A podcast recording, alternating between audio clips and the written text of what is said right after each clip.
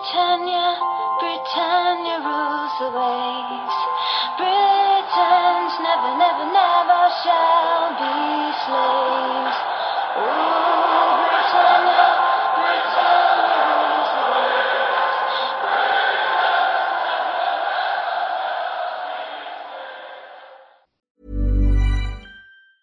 Hiring for your small business? If you're not looking for professionals on LinkedIn, you're looking in the wrong place. That's like looking for your car keys in a fish tank.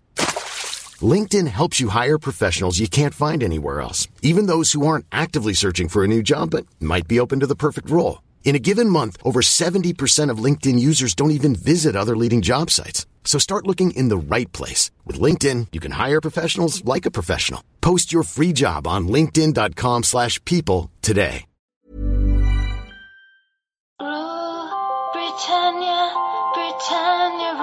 Rules the waves.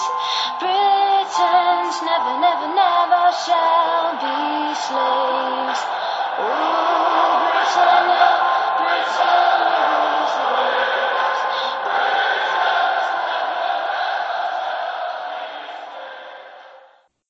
Hej och välkomna till avsnitt 52 utav Svenska FPL-podden. Nu så går landslagsuppehållet mot sitt slut. Det är fortfarande några matcher kvar, men till helgen så har vi återigen Premier League. I det här avsnittet kommer vi fokusera på statistik över de första fyra gameweeksen som har varit. Vilka spelare har överpresterat och vilka har underpresterat där vi kan förvänta oss något mer ifrån. Vi, agendan för dagens avsnitt, vi spelar in tisdagen den 10 september. Först kort så konstaterar vi att den första tränaren är kickad. Vad innebär det? Det är Watford vi talar om. Och eh, sen så gör vi ett litet djupdyk i landslagen och uppehållet som har varit. Vad har vi sett för prestationer som sticker ut från olika spelare? Vad är det för skador som har kommit eh, under landslaget och vad kommer det få för betydelse och vilka kommer ha långa resor och lite liknande saker. Sen så kommer professor Knutsson få ta över rodret och eh, gå in i statistiken som jag pratade om. Här ska vi göra ett ordentligt djupdyk. Eh, vi kommer med rekommendationer inför helgen och eh, lyssna frågor avslutar vi med. Och innan vi kastar oss in i allting så hoppas jag att ni var många som hakar på min rek kring vår spelpartner Coolbet och det fina oddset på holländsk seger mot Tyskland. Coolbet har alltid kanonodds och denna gång bjöd de på 3.45 för holländsk seger vilket det blev precis som jag förutspådde. Denna vecka har jag två Premier League-matcher där jag verkligen gillar oddset på bortasegrar. Stefan, vad säger du om 2.07 på Arsenal-seger mot Watford och eh, 2.70 på West Ham borta mot Villa? Jo, men det känns eh, som bra odds. Jag hoppas verkligen att eh, Arsenal klarar av eh, uppgiften i alla fall. Ja, varför inte i kombination med varandra till ett odds på 5.59? Kom ihåg att spel är enbart för dig som är över 18 år och tänk på att spela ansvarsfullt. Vi ska även rikta ett stort tack till våra partners Dynamo Sports, Glenn Sports Bar och Unisportstore.se som ser till att vi har så fint prisbord i poddligan. Se till att gå med om du inte redan gjort det. Ja, jag var inne på det eh, att Watford har gjort sig av med sin tränare Gracia och tagit in en lite nygammal tränare i Kiko Sanchez Flores. Eh, vad tror du Stefan, kommer det göra någon skillnad för, för Watford efter deras bedrövliga inledning? Det här känns som ett klassiskt misstag skulle jag säga. Eh, Kicka någon som har gjort det bra efter fyra matcher på säsongen. Det känns eh, väldigt, väldigt eh, kortsiktigt skulle jag säga och hoppas att det kommer få negativa konsekvenser faktiskt. Ja, det blir, vi får se lite. Vi har inte direkt sagt att man ska fylla sitt lag med, med Watford-spelare. Och, ja, det är ju Arsenal hemma som, som väntar nu till helgen och sen City borta och sen Wolves borta i kommande tre.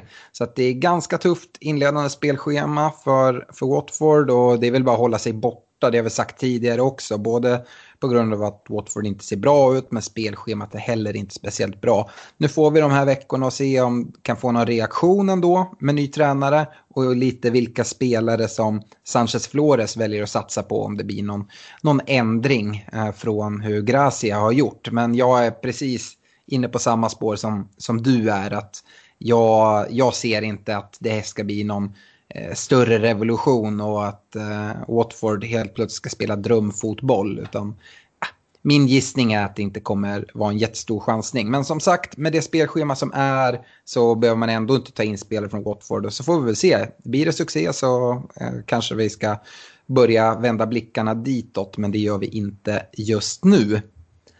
Eh, om vi går vidare och kollar på landslaget då, då har jag en del saker. Eh, dels så kan vi bara börja med att konstatera att det är ju vissa spelare som eh, är nyckelspelare i sina respektive landslag normalt sett men som inte har varit iväg av lite olika anledningar. Och det är såklart bara positivt, det kommer att vara utvilade spelare.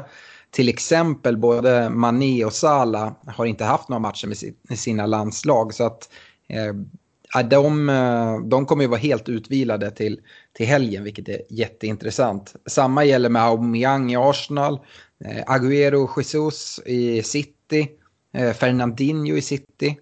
Eh, William i, eh, i Brasilien och i Chelsea. Eh, han blev inte uttagen i truppen så han har varit hemma i England och bara vilat.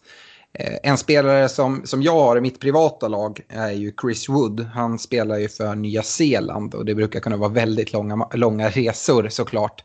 Men han hade inte heller någon match vilket jag tycker är väldigt skönt. Om vi går över till landslagsprestationer som sticker ut. Jag, jag tänker så här, vi kommer inte gå in på varje enskild spelare och hur många minuter de har spelat utan kanske lite eh, extrema prestationer där de har gjort det väldigt bra, alternativt spelare som jag tycker att det finns lite större intresse kring. Men innan vi hoppar in i de här prestationerna, Stefan, hur stor vikt brukar du lägga vid just landslagsform? Ja, jag såg ju att eh, Mkhitaryan gjorde 2 plus 1 till exempel. Det, det sammanfattar väl lite. Mm. Nej, nej, men som, som sagt, eh, inte jättestor vikt, men det beror på lite vad de möter för, för motstånd skulle jag säga också. Ja, det, det, skadar ju inte att en anfallare får göra mål och bygga självförtroende och sådana saker. Men samtidigt så är det en sak att spela med sitt landslag och en sak att spela i sitt klubblag, vad man får för understöd och sådana saker. Eh, jag brukar framförallt ta med mig från landslagsuppehållen se är det någon som har haft väldigt långa resor och sådana saker? Det ska vi också komma in på senare. Det, det väger för mig tyngre och är viktigare att ha koll på än vilka som gjorde mål och assist. Men uh, såklart, det går inte att bortse från spelare som vräker in mål i sina landslag. Vi har faktiskt sett några, några stycken som har gjort det. Uh, vi, om vi hoppar in, vi börjar med England känns ganska naturligt och uh, där har vi ju två glödheta spelare i Kane och Sterling. De spelar ju just nu mot Kosovo eh, och eh, har även haft en match tidigare mot Bulgarien. Bulgarien-matchen slutade 4-0 och där gjorde Kane 3 plus 1 och Sterling 1 plus 1. Eh, kan även nämna att Rashford fixade en straff och det visar väl på det här som vi har pratat om tidigare att United kommer kunna få en del straffar med kvicka, kvicka fötter inne i straffområdet. Eh, men eh, i England är det inte så stor, stort snack vem det är som ska ta straffarna utan Kane rullar ju in dem säkert till skillnad från United. I kvällens match mot Kosovo så tror jag att det står 2-1 fortfarande, nej nu har det smält till, 4-1 står det eh, i, eh, i den matchen. Jag har inte fått upp alla målskyttar men Sterling har gjort ett, Kane har gjort ett eh, så, och, och, Sterling har gjort en ass till Kane också. Så att eh, ja, det, eh, det ser ju inte dumt ut. Det här är typiskt sånt man kan ta med sig en landslagsprestation att Kane nu gör ja, minst Eh, 4 plus 1 på två matcher. Eh, och att Sterling gör, eh, ja vad blir det, 2 plus 2 över två matcher. Det är ju inte, det är inte dåligt för dem om, om vi säger så. Belgien, där fick vi se en annan City-spelare eh, briljera. Kevin De Bruyne gjorde 1 plus 3 i 4-0-vinsten mot Skottland. Och, ja, när vi kommer komma in på statistik sen så antar jag, Stefan, att du har Kevin De Bruyne med i någon form av diskussionspunkt där. Han finns med. Ja. Eh, en spelare som vi har talat oss gott om är ju McGinn som spelar landslagsfotboll för Skottland. Eh, han gjorde Skottlands enda mål i förlusten mot Ryssland. Eh, I Wales så såg vi Manchester United James med ett vackert mål i träningsmatch mot Vitryssland. Eh, precis som i Wales så utgår han från vänster i landslaget. Och eh, jag tror väl det att eh, när Martial är tillbaka så kommer James få finna sig i att spela väldigt mycket utgå från höger. Och det verkar ehm, det verkar påverka hans spel lite grann, framförallt eh, hans målfarlighet skulle jag säga. Men vi får väl se. I det här målet han gör för Wales är precis att han kommer, viker in i banan och curlar in den i bortre. Jättefint mål, verkligen. Eh, ja, i Finland. Ja, det ser ut som att våra eh, grannar i öst ser ut att ha goda chanser till sitt första mästerskap. Och glödhete Pukki gör även mål i landslaget. Det är två straffmål han gör på två matcher. Och vi får väl se om det är Pukki som är straffskytt även i Norwich. I, förra året i eh, Championship så slog han några straffar, men det var, de gick runt lite. Så att, eh, ja, det är inte helt säkert. Men jag tror att den form som Pukki har visat upp eh, nu med två straffmål i landslaget, men kanske framförallt hur han har sett ut i klubblaget, så tror jag att han ändå bör ses som första straffskytt. Jag skulle bli förvånad om det visar sig vara på annat sätt. Eh, vi kan kolla in Danmark. De hade eh, Eriksen gjorde 2 plus 1, men det var dock mot Gibraltar, inte det värsta motståndet.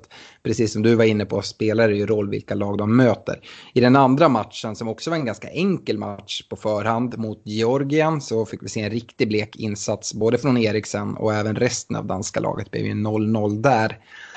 Portugal, eller ska jag säga Wolverhampton då, Eh, Jota Neves eh, vilades helt och Moutinho endast fem minuters inhopp i lördagens match. De spelar nu ikväll och jag tror att eh, Jota börjar bänk även nu. Får följa den lite här, eh, vad som händer. Men det verkar som att de får ganska eh, trevlig vila där, många av spelarna. Sydkorea, eh, Son fixade en ass mot just Georgien som Danmark hade problem med. Och eh, spelade mot Turkmenistan tidigare idag, då fick Son 90 minuter, eh, dock utan poäng från Sons fötter. Och eh, det var väl Sydkoreas sista match, så att han borde resa tillbaka eh, här eh, idag eller under morgondagen. Elfenbenskusten eh, har hänt en del märkliga saker i truppen. Eh, Arsenals PP lämnade landslaget utan någon given anledning. Eh, det spekulerades i en skada men eh, sen lite uttalanden har kommit som säger att det inte riktigt ska röra sig om någon skada. Eh, något liknande hände med Saha där också som också lämnat landslagstruppen utan given anledning. Vi får väl eh, avvakta och se lite vad som sägs. Det var de prestationer jag tänkte gå in på. Eh, om vi går vidare och kollar skador som nu har uppkommit i de här landslagsuppehållen som alltid sker och det är därför vi har sagt att man ska vara försiktig med sina byten och vänta in eh, nu. Nu eh, är det vissa som vi vet kommer vara borta en längre tid men de allra flesta vill vi invänta presskonferenserna som kommer här senare i veckan. Om vi börjar med Argentina så fick eh, Tottenhams Lo Celso eh, ses ljumskadad och är nu åter till Tottenham. Eh, vi får invänta presskonferensen men Lo Celso själv har uttalat sig och tror inte att det ska hålla honom borta från spel eh, i Spurs till helgen. Eh, Tyskland då, där var det Gündogan som nu är tillbaka i Manchester efter att ha haft lite sjukdom. Inget som borde hålla honom borta från ligaspel tror jag, utan kanske bara bra för City att han får vila då City kanske vill rotera lite nu i helgen då det väntas Champions League-spel i veckan. Om vi går vidare till Belgien så Eh, har vi ju fantastiske Trossard i Brighton. Han har plockat upp en ljumskskada och vissa rapporter gör gällande att han kan missa kommande två Premier League-matcher mot Burnley och Newcastle. Det är dock inte helt bekräftat så att eh, här får man nog avvakta PK. Frankrike hade vi massa spelare som inte var med i truppen. Det var Kanté, Martial, Laportes jobbiga knäskada, Pogba. Alla de var borta på grund av skada. Och vi kan även notera att Lacazette ej var uttagen i truppen, precis som West Hams Haller. Italien då. Chelseas Uh, ytterback Emerson klev av skadad efter endast åtta minuter mot Finland men har uttalat sig själv att det bara rör sig om någon mindre skada. Uh, dock så är han lite osäker här inför Game Week 5. Avvakta där. Och sen så i Schweiz så blev Xhaka utbytt med någon känning, eventuellt skada. Jag vet inte om du Stefan har bättre koll på, på Arsenal där med, med Xhaka. Han ska ha något problem med sin hälsena tror jag. Eh, eller mm. ja, liksom eh, hälen, hälsena. Ja. Han ska ha spelat med, med liksom skadekänningar, lite likt eh, Koscielny eh, hade under en längre tid. Så det går ju att spela med det, men det här var väl mer, de ledde klart och eh, tog väl av honom för att han hade skadekänning kanske ändå ingen spelare man ha, bör ha i sitt fantasylag. Men Lacazette som inte var uttagen för Frankrike, han har också någon lite lättare skada, eller? Ja, alltså jag tror att han eh, avbröt matchen mot eh, Tottenham med någon form av skadekänning. Det kändes i alla fall så, men jag har inte hört, jag har inte sett några eh, officiella rapporter på det. Mm, men, men, i den matchen så signalerade han till bänken i alla fall innan han bytte och det kändes som att han hade varit het i matchen så jag, jag förstår inte att, varför han skulle byta om han inte var, kände sig, hade någon form av skadekänning. Nej. Eh, innan vi hoppar in i eh, din stora punkt här med statistiken så ska vi kolla på det som jag talar om kanske är det allra viktigaste att ta med sig från landslagsuppehållen utöver skadeuppdateringar och sånt som man får. Så eh, de här lagen som spelar um, andra sidan Atlanten eller borta i Asien och så här som har långa flygningar. Eh, vi har flera lag som spelar match på onsdag morgon och därefter då har långa flygningar tillbaka till England. Eh, bland annat så har vi i Brasilien lite spelare. Vi har Firmino och eh, Fabinho från Liverpool. Eh, vi vet, vi har sett det tidigare, att Firmino kan, kan roteras i sådana här fall. Och det är inte alls omöjligt att det blir så. Eh, även Richarlison spelar ju ehm, med Brasilien och är iväg. Eh, han har dock match söndag eftermiddag, så han får ju ändå en extra dags vila där, till skillnad från Liverpool-spelarna som inleder helgen med tidig match på lördag. Vi får se hur Klopp resonerar kring Firmino och Fabinho. Dessutom så är det ju Europaspel i veckan och så. Så att eh, det finns ganska stora risker för, för rotationer. Colombia och ett annat lag som eh, har spelare som kommer tillbaka sent. Det är Jeremina eh, och Davinson Sanchez. Men även Jefferson Lerma. USA så har vi Pulisic för Chelsea och i Mexiko har vi Raúl Jiménez i Wolves. Eh, Uruguay, Torreira i Arsenal och eh, Argentina så har vi Lanzini och Pereira bland annat. Eh, de spelade inte i Argentinas första match men eh, oavsett om de kommer spela på onsdag eller inte så kommer de komma tillbaka sent. Så det tycker jag man ska ha med sig. Stefan, är det någonting som du eh, tycker sticker ut, någonting du vill kommentera kring de här lagen eh, och spelarna som kommer tillbaka eh, sent efter långa flygningar?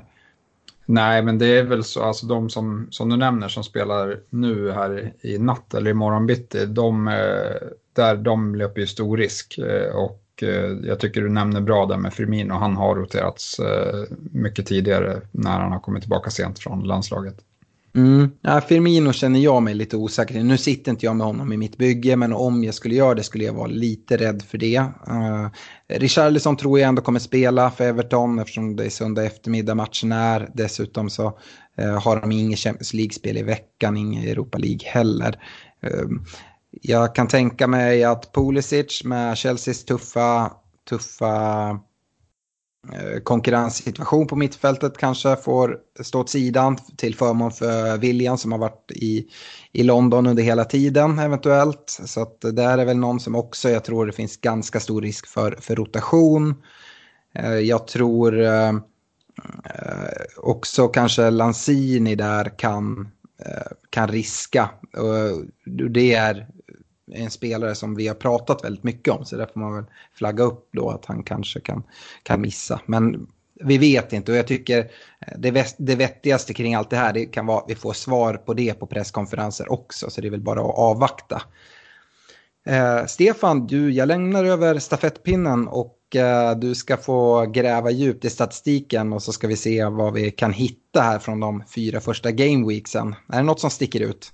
Ja, det är många saker som sticker ut. Det är svårt att sammanfatta, men jag tänkte göra så att jag börjar med bakifrån, eh, så kika på backarna, eh, kolla lite vilka som har potential till offensiva poäng. Eh, sen kikar vi in på mittfältet och där vill vi ju hitta både potential till mål och assist, så det kikar vi på.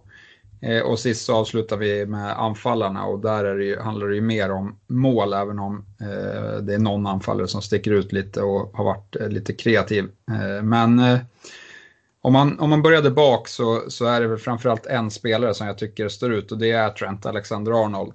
Eh, han har skapat hela 14 chanser eh, på de här eh, inledande fyra omgångarna. Eh, fyra av de chanserna har eh, klassats som eh, big chances, alltså bättre chanser som det egentligen ska vara mål på. Eh, och på en sån chans så sitter väl ungefär eh, 50-60% i mål. Eh, så det där de brukar ju leda till assist.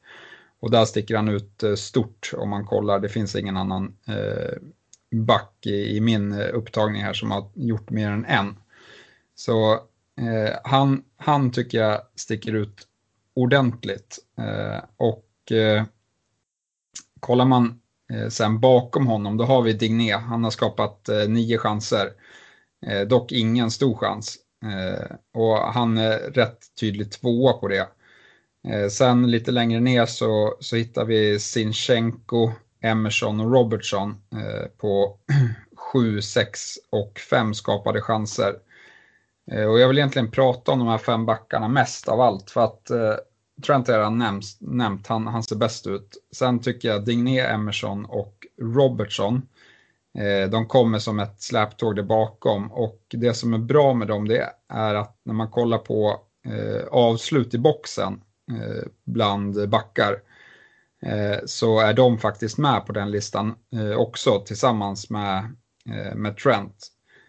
Och här på den listan så förväntade jag mig kanske att se lite mer mittbackar som är uppe på hörnor och avslutar. Men det finns egentligen ingen tydlig sån back i år. Den, den som hotar mest det är Dawson i, i Watford. Han har sex avslut i boxen. Eh, men om man kikar här, Emerson, eh, fyra avslut i boxen, eh, Trent tre, Digné tre, Robertson tre. Så de är även, förutom att de skapar chanser regelbundet så är de även uppe och hotar med egna avslut. Hur ser det ut med Burnley-mittbackarna? De brukar kunna ligga ganska högt upp där.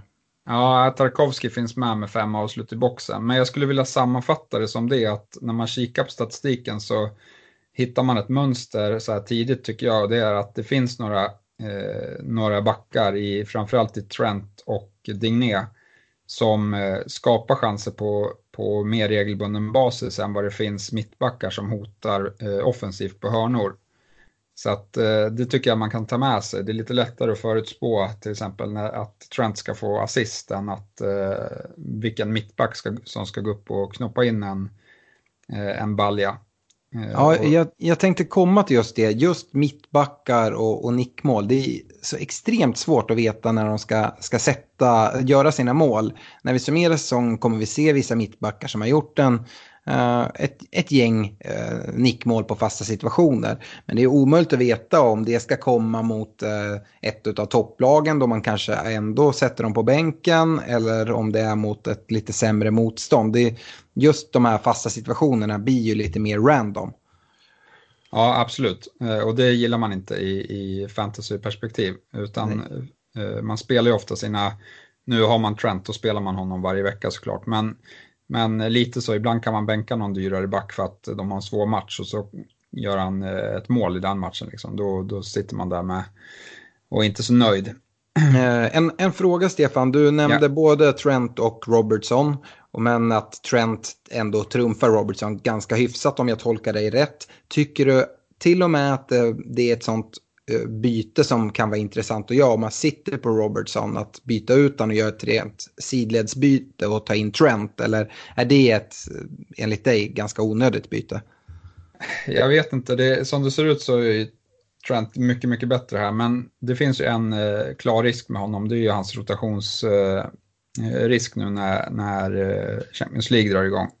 Så att ja, det, det talar väl lite emot, men om man kollar här, liksom 14 skapade chanser mot 5, fyra stora mot en, bättre i bonusstatistiken och Eh, hotar lika mycket offensivt. Så det är svårt att tala emot att, eh, att inte Trent kommer plocka mer poäng när han spelar, eh, när han visar upp de här statsen. Och de har spelat exakt lika många minuter hittills. Mm. Så att, ja, jag tycker han trumfar. Sen om ett sidledsbyte där eh, kan vara värt det, men det kan slå fel också skulle jag säga. Om vi går till ett annat sidledsbyte då om man sitter på Coleman. Han har inte nämnt alls, men eh, Digné som kostar lite mer. Eh, det, kan det vara mer av ett intresse för ett byte eller hur, vad säger du? Ja, Digné kostar ju lite mer dessutom, men ja, jag hade hellre suttit på Digné. Men där finns det väl en, eh, en annan teori att eh, man spar pengar med, med Coleman. Coleman har jag inte fått fram i, i den här eh, utplockningen av eh, statistiken så jag har inte superkoll på honom. Eh, jag vet att jag har sett lite highlights och han har varit med upp och liksom fyllt på mycket så att eh, han kan säkert också få offensiv utdelning men inte på samma eh, regelbundna basis som, som Diné kommer göra. Nej, jag som sagt statistikmässigt har jag inte järnkoll men Eh, Coleman tycker jag är en spelare utifrån, jag har sett Everton ganska mycket och borde haft lite mer poäng med, med lite flyt på sin sida. Jag tror att de poängen kommer trilla in. Kanske inte lika mycket som Digné, men det kanske man får räkna med med den prisdifferens som ändå finns. Yes. Eh, nej, men, men som sagt det, sen vill jag bara nämna att jag tycker att eh, vi har ju pratat om det här baseline eh, BPS och eh, det är hur Eh, vad de plockar för bonuspoäng eh, förutom det de gör när de får nollor, mål och assist. Och det är någon form av beräkning på hur bra bonusspelare de är och sen när de eh, väl gör en assist då kommer de ligga bra till eller när de håller nollan då kommer de ligga bra till. Eh, och det finns ett mått som eh, är hur många minuter det tar för att samla in en sån eh, bonuspoäng. så ju lägre desto bättre.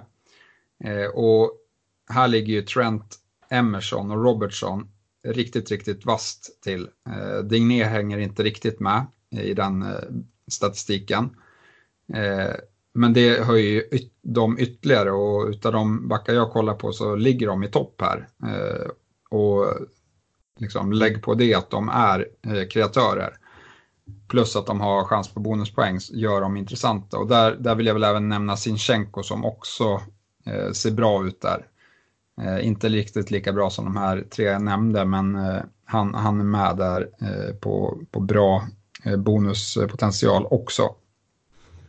Mm. Innan, vi, innan vi lämnar försvarare, jag vet inte om du har ytterligare saker att säga om försvarare, men uh, innan vi lämnar skulle jag ändå vilja säga det är några försvarare som har väldigt hög ägarandel som vi inte har pratat någonting om. Van Dijk sitter i nästan varannat bygge, van Bissaka tror jag ligger tvåa på den listan. Uh, hur står sig de? Nej, de, de eh, har inte kommit med här. Man måste, för att komma med var man tvungen att ha minst eh, tre avslut i boxen eller minst eh, fyra skapade chanser. Eh, jag misstänker att eh, de ligger precis utanför eh, båda två. Men det jag tycker man kan ta med sig är, eller jag föredrar ju Trent, det är ju rätt tydligt här över både van Dijk och Robertson. Så det kan man väl säga. Men van Bissaka, han äger man kanske framförallt för att han är en bra bonusspelare. Så jag vet inte om jag hade förväntat mig att han skulle finnas med på de här listorna. Däremot får man bedöma hur Uniteds defensiv har sett ut och eh, jag kommer komma till det som en summering i slutet här med lag, hur det har sett ut för lagen. Men jag kan väl hinta om att United kanske haft lite oflytt som inte hållit någon nolla än. Om man mm. kollar bara på vilka chanser de har släppt till. Eh, van, van Dijk där då har, ja, sitter ju i eh, mer eller mindre ja, men vartannat bygge. Och äh, även om inte han syns i de här siffrorna så det är inte en spelare, jag tycker det är ändå en spelare som imponerar. Både med sin eh, hot på, på offensiva fasta, jag tror att Liverpool-nollorna kommer komma. Jag personligen hade inte bytt ut honom. Utan antingen att man sitter med både van Dijk och Trent eller att man väljer att gå utan Trent och ha van Dijk som sin Liverpool-försvarare eftersom att han ändå är billigare, precis som vi pratar Coleman Digné. Sitter du med någon annan uppfattning? Tycker du att äh, även, äh, Eh, skicka van Dijk och försöka få tag i de här 0-5 för att få in Trent och att det är liksom ett sånt sidledsbyte är, är av intresse. Jag är nog lite inne på det. Jag tycker Trent är ett måste eh, och vill man ha två eh, backar från Liverpool då, då hade, hade van Dijk intressant. Men skulle jag välja en så skulle jag välja Trent. Men, men som sagt, tillbaka till statistiken. Van Dijk är en sån spelare som kanske inte behöver supermånga lägen. Han har ju visat att han är en riktigt, riktigt duktig eh, liksom avslutare på, på att nicka. Så att eh, Dawsons sex avslut, eh, van Dijk kanske bara behöver två för att matcha honom om man, om man ser det så. Ja. Lundström då, hittar, hittar vi honom någonstans i den här statistiken? Ja han, ja, han finns med. Han finns inte med i sållningen, men jag vet att han har, ska, han har skapat tre chanser och alla de har klassats som, som stora chanser. Eh, så att eh, han finns där någonstans eh, i periferin. Eh, men eh, det är väl bättre än vad många hade kunnat förvänta sig från han. Absolut, ja, men det är ändå positivt skulle jag säga. Ja, absolut. Eh, jag kan väl nämna, nu tror jag inte så mycket på Femenia längre som fanns med som billig eh, alternativ här. Men däremot eh, Lowton i Burnley, eh, han har skapat fem chanser, eh, kostar fyra och en halv. Så det kan vara en väg in i, i Burnley där man kanske kan få någon eh, assist också. Yes. Grymt. Ja, det blir som sagt lite monolog här, men vi går vidare på eh, mittfältet. Och här tänkte jag väl eh, börja med de som är målfarliga. Och den som absolut sticker ut här, eh, här är det rankat på avslut i boxen eh, då 85-90% av målen kommer eh, inifrån boxen. Eh, så att eh, det finns några som sticker ut med lite mer eh, avslut utifrån, men även om det kan vara positivt i vissa fall så är det negativt ofta om man missar mål för då får man minuspoäng i den här bonusberäkningen. Säga vad man vill om det, men så är det. Men den som sticker ut i alla fall, det är Raheem Sterling Eh, 12 avslut i boxen, eh, sju stora chanser, eh, vilket är topp båda, på båda de statistikerna. och ja, vad mer ska man säga, sju stora chanser på fyra omgångar, det är, det är lite för bra för att vara sant skulle jag säga. Vi är inte direkt chockade, alla som har sett Sterling och vi har sagt att han har presterat jättebra. Du var inne på att ja, så här kan han inte fortsätta prestera, men den underliggande statistiken som vi har sett hela tiden säger ju snarare att han visst kan göra det och det ser ut som det. Vi ser nu i landslaget så bara fortsätter formen. Han är ju glödhet och är väl en, en måste-spelare nästintill. Ja, jag tycker successivt att han har förbättrat sitt, sina avslut också år efter år. Han var ju mycket mer av en målsumpare för några år sedan än vad han är nu, även om man kan bränna något läge eh, titt som tätt ändå, men han har blivit bättre på att avsluta, tycker jag man kan se. Ja, jag kan ju bara ge en kort direkt uppdatering här från Englands match mot Kosovo. Nu har alltså eh, Sterling i den här matchen, han har tre assist och ett mål. Eh, de leder med 5-1. Eh, så ja, han fortsätter ta poäng. Absolut, men, men det man kan väl säga det är att han, han trumfar ju Salah eh, rätt rejält just nu. Eh, och eh, det borde väl kunna fortsätta med tanke på att Citys matcher är fortsatt väldigt lätta. Nu har ju Liverpool också lite lättare matcher, men, men det är de två som, som ligger högst upp och de kostar mest, så de, de ska ju ligga högst upp bland mittfältarna också. Salah han ligger på 10 avslut i boxen, fem stora chanser. Eh, också bra, men det sticker inte ut på, på samma sätt skulle jag säga. Nej, tycker du att eh, med den här stat underliggande statistiken att uh, de här två dyraste spelarna i spelet, Sterling och Salah, man, man ska ha båda två eller? Ja, som det ser ut, alltså Salahs fem, fem stora chanser, det är också extremt bra och man kan förvänta sig att han, han kommer ligga och snitta liksom, strax under ett mål om man fortsätter eh, leverera de, eh, de lägen han har gjort. Han har dessutom, vilket jag glömde nämna, eh, skapat åtta chanser för, för medspelare, vilket, vilket bättre än vad, vad jag hade förväntat mig från honom. Han har ta, och några av dem har kommit på de hörnorna han har slagit. Han har slagit 14 hörnor redan, vilket är nytt för i år att han, att han tar hörnor. Eh, så han har blivit lite mer allround. Han är ju dessutom straffskytt eh, i, i Liverpool, vilket är eh, en stor grej när inte Milner spelar. Ja, och vad, vad säger vi där då om vi har Salah och Sterling, det vi har varit inne på väldigt mycket är ju att ha tillförlitliga kaptensval och där har man ju två givna kaptensval. Men det är ju vissa som har valt Mané före Salah för att spara lite pengar. Hur ser jämförelsen ut där? Mané är också bra. Han, man får ju ha med sig att han har spelat 100 minuter mindre, eller en match mindre kan man säga, än Salah. Eh, han har på de eh, minuterna han har spelat, han mäktar med sex avslut i boxen, eh, tre stora chanser. Eh, han visar upp att han är en mycket, mycket bättre bonusspelare här i, i statistiken då han, Eh, det tar 7,4 minuter för honom att dra in en bonuspoäng eh, medan det tar 15,2 minuter för Salah. Så Salah måste ju göra offensiva grejer för att få bonus. Mané han, han behöver inte göra lika mycket. Eh, går vi till kreatörsrollen så trumfar Mané Sala trots färre minuter där han har skapat eh, tio chanser för sina medspelare och två av dem har ansetts som stora. Så äh, Mané har också bra stats. Man, gör alltså inte, man är inte helt galen om man väljer Mané i alla fall, om jag förstår dig rätt. Men eh, vi har ju varit inne på det här just med kaptensdiskussionen. Jag vet att du, Stefan, har eh, lite svårare att tänka dig att sätta en kaptensbindel på Mané jämfört med, med Salah. Det backas väl upp lite av den här statistiken. Samtidigt så visar det väl att Mané är ganska pålitlig han också. Man kanske inte ska vara allt för rädd att sätta den på Mané, eller? Nej, alltså framförallt så eh, Mané har ju lättare till bonus. Salah, där kan man, man kan säkert få en ass eller ett mål några omgångar men att det blir noll bonus. Eh, gör Mané samma sak så trillar det säkert in eh, två extra pinnar på honom. Eh, så att, eh, ja, nej men det är väl bara upp känslan liksom att man vill verkligen ha någon som konstant hotar och att Salah eh, visar upp det lite mer. Men, men det, det skiljer inte jättemycket på statistiken här emellan så man kanske, jag kanske borde ompröva min, eh, eh min tes där med Mané. Ja, jag vet inte om jag hoppar mycket nu för dig Stefan, du som har gjort det här bakomliggande arbetet. Men en spelare som jag förväntar mig att vi ska prata om är väl ändå Kevin De Bruyne. Absolut. Eh, nej, men det är bra Alex, det, då driver du på samtalet lite här. Eh, De Bruyne, han, han kommer faktiskt med till och med på eh, skapade, eller avslut i boxen. Han har sju stycken, eh, vilket eh, han ligger sexa totalt eh, på bland mittfältarna.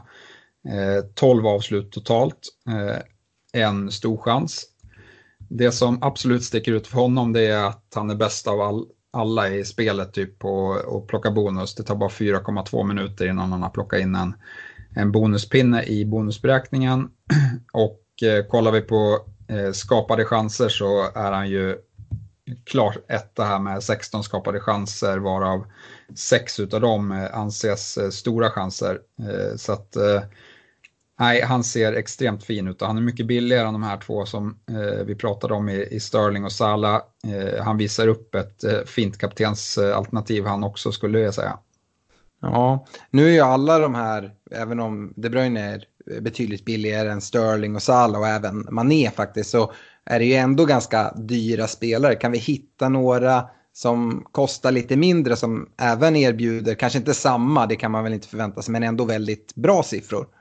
Ja, i samma kommer vi inte få. Jag vill nämna två stycken till att börja med. Den ena är Madison. Eh, han har haft sex avslut i boxen, eh, 13 avslut totalt, eh, två stycken stora chanser.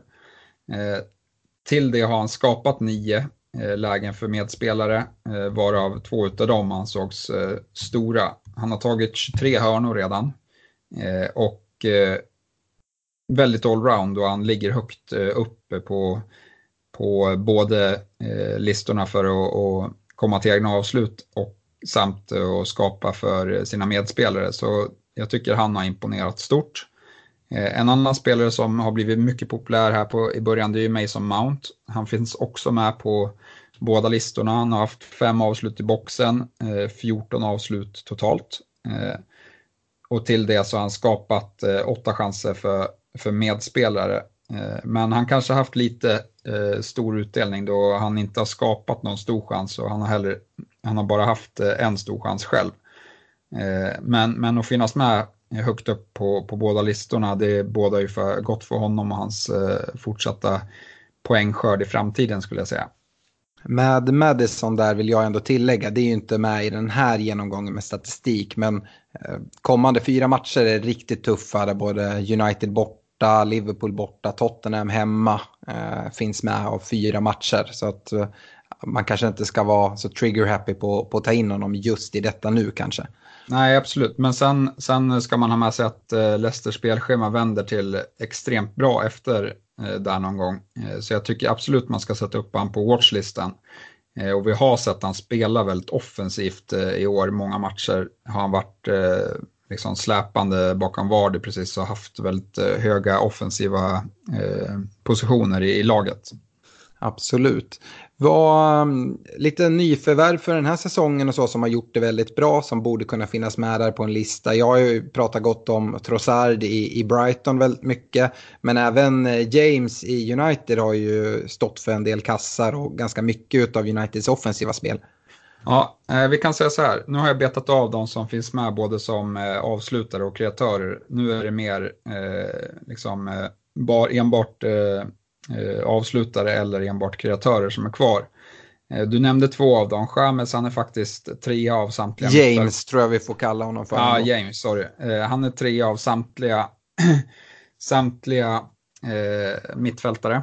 Eh, han har haft nio avslut i boxen. Eh, ett, en av dem var en stor chans och elva avslut totalt.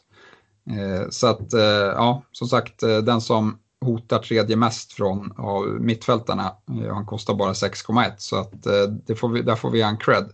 Inte, eh. jät, inte jättelångt efter i goal attempts och shots inside the box sett till spelare som är dubbelt så dyra än honom i Salah och Sterling. Sen så bidrar ju de med helt andra saker utöver men för ett pris på 6,1 måste man ändå säga att det sticker ut ordentligt. Det sticker ut. Det man det man, därför man kanske inte kan jämföra det är väl äh, de här antal stora chanser, typ tappins och, och, så, utan det är väl lite mer skott eh, precis innanför straffområdet och så. Eh, men, men, som sagt, vi har sett det nu både i landslaget och i, i United att han har fin eh, teknik i, i sina avslut och det verkar som att Eh, det kanske inte var en engångsföreteelse det här målet han gjorde mot eh, Southampton ändå. Eh, även om, om det var en väldigt, väldigt bra träff han fick på där. Jag, jag vill dock påtala det här som jag varit inne på flera gånger tidigare. Han har gjort de här avsluten framförallt när han har utgått från vänster, vilket jag inte tror att han kommer göra i United när Martial är tillbaka. Så det tycker jag verkligen man ska ha med sig. Vi får väl se nu när Martial väl är tillbaka om eh, det kommer innebära att eh, James får, får starta till höger och om målen kommer fortsätta komma eller om eh, det är något vi kommer, vi kommer få bekräftat att han inte kommer riktigt till lika bra avslutslägen. Nej, Nej men det stämmer. Du nämnde Trossard också. Eh, han har kommit till eh, sex avslut i boxen. Eh, tre av de lägena ansetts som stora chanser, så lite bättre än eller James där. På den aspekten. Åtta avslut totalt. Han ligger på nionde plats bland mittfältarna på det. Men som sagt för 6 miljoner så det här tycker jag ändå är stats som, som sticker ut för, för 6 miljoner. Och Eh, Brighton har ju fortsatt eh, bra matcher eh, i korta loppet men han har väl lite skadeproblem där. En annan spelare som jag vill nämna det är Richarlison. Han ligger precis efter James med åtta avslut i boxen. Två stycken stora chanser, tio avslut totalt. Inte helt dum bonusspelare heller för att kolla på, på mittfältarna. Ingen De Bruyne men, men han är bättre än, mycket bättre än Salah. Ungefär i klass med Eh, Mané och Mount eh, skulle man kunna säga. Så han har väl kanske förbättrat sitt allround-spel lite eh, från föregående säsong då han inte var speciellt bra bonusspelare. Mm. Nu har vi pratat om eh, spelare som har varit väldigt bra på eh, goal attempts och shots inside the box. Finns det någon kreatör alltså, som skapar mycket chanser som, som erbjuder det men kanske inte eh, hotar så mycket med mål? Ja, man skulle vilja nämna en spelare som heter eh, Bernardo Silva slash Mares. Eh, tyvärr så är de väldigt rotationsbenägna men båda de två finns ju med här eh, i Bernardo Silva faktiskt som avslutare och Mares eh, som kreatör. Eh, tänk vilken dröm det vore om någon av eh, dem gick sönder så att den ena blir eh, helt ordinarie. Då skulle den spelaren vara extremt vass och ha, äga också från City. Har vi någon eh, West Ham mittfältare? Jajamän, vi har ju en som heter Lanzini eh, som ligger fint med här. Han har skapat eh, 14 chanser, så nästan lika bra som De Bruyne. Eh, dock så har han bara skapat en stor chans eh, för eh, sina medspelare. Eh, han har dessutom tagit 15 hörnor, så hörnläggare i, i West Ham här. Eh, och en väldigt, väldigt bra bonusspelare också. Eh, så att eh, Lanzini sticker ut och han eh, det finns egentligen ingen annan West Ham mittfältare med på de här tabellerna. Nu har ju Andersson missat någon match så, så han kanske kan finnas med men han hade inte varit i närheten av Lanzinis inledning ändå skulle jag säga. Så Lanzini sticker ut på kreatörsrollen och jag vet att han kom inte med här på avslut i boxen men han har haft en del avslut själv också. Eh, det såg jag när jag plockade ut eh, statistiken och kikade på just honom. Mm. Om vi gör något liknande som jag gjorde på försvararna och kollar vilka som är de mest ägda mittfältarna i spelet så har vi pratat om, av, med, om de flesta där med Sterling och Salah som ligger i topp såklart följt av De Bruyne och Mount, Mané och så. Men eh, de här riktiga möjliggörarna med billiga priser. Eh, Todd Cantwell i Norwich till exempel, kan, eh, kan han leta sig in på någon lista eller är det, är det orimligt att förvänta sig det på en så billig spelare? Nej, han är faktiskt med på 15 eh, plats bland kreatörerna. Han har skapat åtta chanser, eh, varav en stor chans. Så det tycker jag eh, är väldigt bra för en spelare som kost, började, priset på, eller började spelet på 4,5. Eh, det är ovanligt att se. Ja, uh, intressant. En annan billig spelare som har gjort det bra är Oliver Norwood i Sheffield United. Han har skapat nio chanser eh, och visar upp ett bra, eh, en bra bonusspelare dessutom om man skulle plocka in någon assist. Det är väl de två billiga spelarna som, som jag tycker sticker ut. Mm. Är det någon annan mittfältare som du tycker vi bör prata om eller ska vi gå vidare till forwardsleden? Ja, nej, jag tycker vi kan gå vidare. Martial finns med här, eh, men ganska långt ner på, på eh, bland avslutarna. Men han har ju spelat mindre tid också. Ja, det ska man verkligen ta med sig för att eh, det är ju ska vi säga, datan är ju på de fyras eh, första gameweeksen. Det är inte jättemycket data. Vi kommer komma tillbaka och göra någon liknande sån här grej eh, till nästa landslagsuppehåll, det vill säga efter gameweek 8. Då kommer vi kunna kolla på Ehm, statistiken på de åtta första gameweeksen. Ju mer statistik man har, desto lättare att se tydliga tendenser. Eh, och eh, det är ändå imponerande tycker jag att Martial finns med på en sån lista då han har spelat mycket mindre än många av de vi har pratat om nu. Yes. Nej, men vi går vidare till anfallarna för att eh, tiden börjar dra iväg här lite och eh, här tänkte jag eh, nästan enbart fokusera på eh, de som har kommit till mycket avslut i boxen eh, och eh, allra högst upp hittar vi faktiskt eh, Temo Pukki. Eh, helt eh, sensationellt eh, vilken start på Premier League han har fått. Eh, och eh, han har plockat mycket poäng men eh, han, ja, kikar man på den här statistiken så är han en av de forwardsarna som har kommit till flest lägen och faktiskt ska ha gjort flest mål också. Hela, hela 13 avslut i boxen har det blivit på de här fyra första veckorna och tre stycken utav de lägena har varit klara chanser. Ja, nej, det, är, det är ju bara att ta av sig hatten. och, nej, men det är jättekul att se. Den statistik som han har visat, kanske framför allt i de tre första gameweeksen. Vi får väl se vilken poker det är vi, vi får se här framåt, om det är den vi fick se i Game Week 4 eller om han kommer fortsätta som han gjorde de tre första gameweeksen. Ja, äh, men vi kan, vi kan fortsätta på eh, temat billiga, eh, billiga anfallare som har levererat. Eh, och eh, då, då ta med er att 13 avslut, det var topp av den här listan. Eh, sen har vi Ashley Barnes, han har kommit till 11 avslut i boxen, fyra stora chanser eh, och eh, det är tredje bäst. Eh, så han har också levererat väldigt, väldigt fina siffror. Går vi ner lite så hittar vi Abraham, eh, nio avslut i boxen, eh, tre av dem stora. Eh, han har bara spelat 257 minuter, vilket är imponerande i sig. Så hade han spelat lika mycket som Pukki och Barnes så hade han troligtvis varit med där uppe i toppen också. Eh, en annan spelare som har spelat eh, få minuter är eh, Haller i, i West Ham. Också nio avslut i boxen. Eh, trumfar dock Abraham lite grann med fyra Eh, avslut eh, eller stora chanser. Eh, så att eh, de fyra billiga forwardsarna tycker jag sticker ut. Sen har vi även Raúl Jiménez på åtta avslut i boxen. Men jag tycker inte det är lika imponerande då han har spelat eh, nästan varenda minut här. Han har spelat mest av, eh, av alla jag har med på eh, forwardsidan förutom Kane och Aubameyang.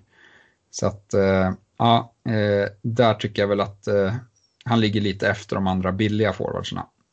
Om vi ska jämföra eh, Abraham och Haller som är ungefär hyfsat lika prissatta och du säger haft lite begränsat med speltid så tycker jag ändå att Haller trumfar sett till att det inte finns så mycket hot för, för Haller i speltid. Abraham, jag tror att han har byggt upp förtroende nu och kommer få mer speltid av Lampard men samtidigt så vet vi att både Giroud och Batshuay finns där bakom så någon svag insats så kommer, kommer de få speltid. Dessutom har vi ju Europaspel för Chelsea.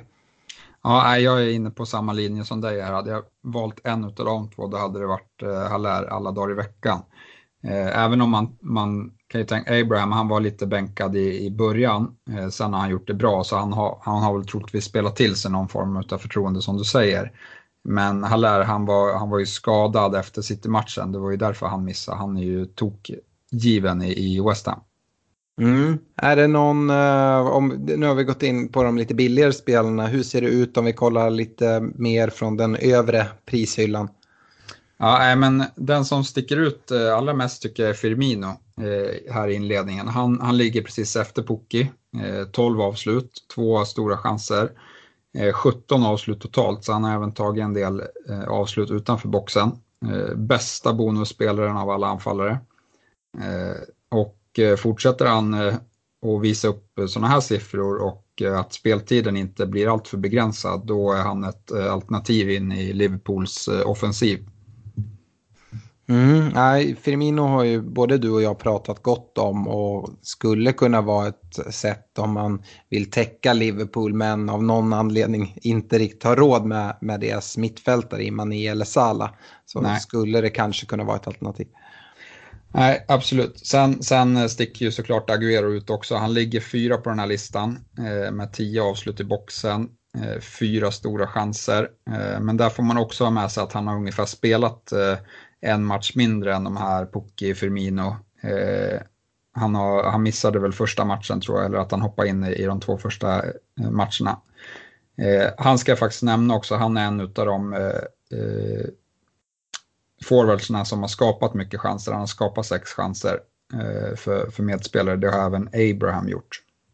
Agüero är ju, det vet vi, när han spelar så, så gör han mål och är jättegiftig och tar mycket fantasypoäng. Problemet just där, nu har vi haft det lite enklare ett tag här när Jesus har varit lite skadad och så. Frågan är hela tiden att lägga 12 12,1 som jag tror han är uppe i nu på Agüero vet veta att den här risken finns. Eh, dels till att han börjar bänk men kanske framförallt att den här, eh, jag är rätt säker, vi kommer fortsätta se det att Agüero byts ut i 60 om det 65 i ett lag som City. Vi har varit inne på det flera gånger men det går inte att nämna för många gånger. Det man vill i speciellt ett lag som City som bara öser på fram till liksom, sista tilläggsminut. Det är ju att ha spelare som spelar 90, speciellt med Agüero som, som tar straffar. Det är inte alls omöjligt att kommer få se en del City-straffar i slutet av matcherna när de möter trötta försvarsben som eh, helt plötsligt eh, fälls ut och eh, drar ner någon spelare. Ja, nej, jag håller med. Eh, vi, kan väl, vi kan väl nämna några till. Eh, Rashford som var Eh, många bytte in efter hans eh, första två mål där mot eh, Chelsea. Han finns med på listan. Han har haft nio avslut i boxen, fem stora chanser, 16 avslut totalt. Det ligger han femma på bland forwardsarna. Så att han har absolut gjort det bra om man kikar till statistiken. Och många har ju börjat byta ut honom här men det kan man nog bli straffad för faktiskt. Mm. Uh om vi, Kane då, apropå att byta ut, det är väl många som har suttit och slitit sitt hår gällande honom och jag vet att det är väldigt många som kollar på att byta ut den. Nu har ju Tottenham haft det lite tufft och sådär, spelschemat ser dock bra ut. Hur ser hans underliggande statistik ut? Ja, men jag tycker han och, och Aubameyang har egentligen identisk eh, statistik här med nio avslut i boxen. Eh, Aubameyang trumfar lite då han har eh, fyra klara chanser mot Keynes tre klara chanser. Eh, dessutom har Aubameyang skapat fyra chanser för, för medspelare, vilket även eh, Rashford eh, har gjort som, som jag kanske glömde nämna. Eh, men, men det är väl lite för dåligt från, från Keynes sida med, eh, skulle jag väl säga. Men, men som sagt, matcherna blir bättre nu. Eh, jag förväntar mig att han kanske kan bygga lite på den här landslagsformen. Eh, Spurs eh, med liksom Eriksens eh, frågetecken som inte finns där akut brinnande just nu i alla fall, eh, kan nog hitta lite bättre form eh, och eh, då kan han nog vara absolut den som, som straffar. Det är inte så att han inte finns med på listan, så dåligt har det absolut inte gått för honom. Nej, du säger det att Kane och Aubameyang är ganska svåra att skilja rent statistikmässigt, att de ligger väldigt nära varandra. De är väl prisade mer eller mindre likadant ja, det, va? Det är lika. Eh, hur tänker du där? Statistiken ger oss ju inget svar, men vem skulle du hålla, hålla högst av de två nu när Arsenals schema också vänder och ser ganska trevligt ut?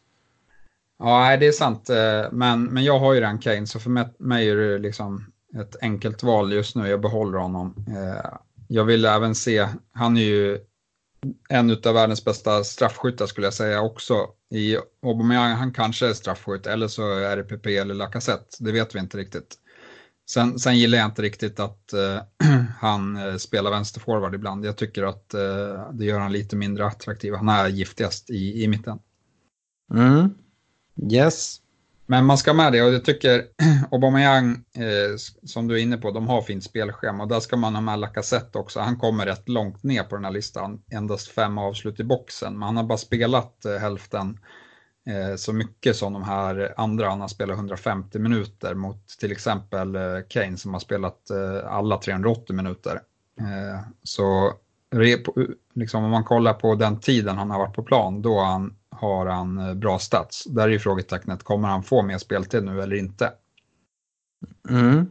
Eh, vi, vi pratade om Barnes som såg jättefin ut. Burnley har ju ett eh, riktigt fint spelschema nu här kommande också.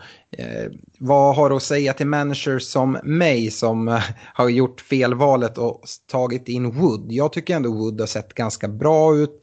Eh, finns han någonstans med i den här statistiken eller är det bara att skeppa honom och ta in Barnes på en gång? Ja, det ser ju inte jätteljust ut. Han kommer med, han är man nummer 18 här på listan. Eh, han är nere med Villa Kassett, fem avslut i boxen.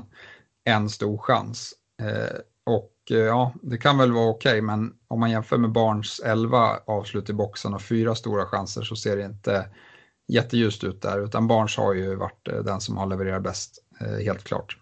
Mm, ja, ah, jag kommer ha lite mer tålamod med Wood ändå. Eh, det skiljer ju en del pengar dem emellan nu när Barnes har stuckit iväg lite och Wood har sjunkit lite. Jag hoppas att, att Wood kan få någon kasse här framåt. Eh, även om han inte har gjort speciellt mycket här. Han hade oflytt, fick ett självmål också där mot Liverpool. Men eh, han borde väl kunna få något mål tycker jag här inom hyfsad snar framtid. Eh, absolut, eh, absolut. Eh, den sista spelaren jag skulle vilja nämna, vi, har ju, vi pratade lite billiga anfallare, anfallare i början. Eh, nu vill jag kliva ner ytterligare ett steg, eh, kolla på anfallare för 6 miljoner. Och den som jag tycker ser bäst ut där, det är Maupay i Brighton. Han har bara spelat 100, 197 minuter, men på de 197 minuterna har han kommit till hela åtta avslut i boxen, varav tre stycken stora chanser. Eh, och där är väl lite caset också att han har stärkt sina aktier att få mer speltid eh, och på bekostnad av eh, Murray. Mm. Eh, vi har inte pratat någonting om Bournemouth-anfallarna King och Wilson. Nej, det är för att de inte finns med här faktiskt. Men, men Wilson, han, han finns med på skapade chanser i alla fall. Han har skapat nio chanser för, för medspelare. Eh, och det är klart bäst utav alla forwards. Så att, nej men annars så, så ser inte King ha skapat fyra chanser, så jag fattar inte riktigt vem som har kommit till alla chanser i, i Bournemouth. Mm. Men, men så ser det ut i alla fall. Ja, eh, någon mer eh, spelare som, som vi inte har pratat om? Jamie Vardy då i Leicester? Nej, eh, finns inte ens med på listan. Eh, och eh, han är faktiskt, jag kollade det, han är en av de som har överpresterat sitt eh, expected goals allra mest här i, i inledningen. Det, det, tycker jag ändå man ska ha med sig. Nu är jag kanske försvarare av Vardy, men eh, det är en spelare som ofta presterar över sina expected goals. Han brukar inte behöva så mycket chanser för att, att sätta dit dem.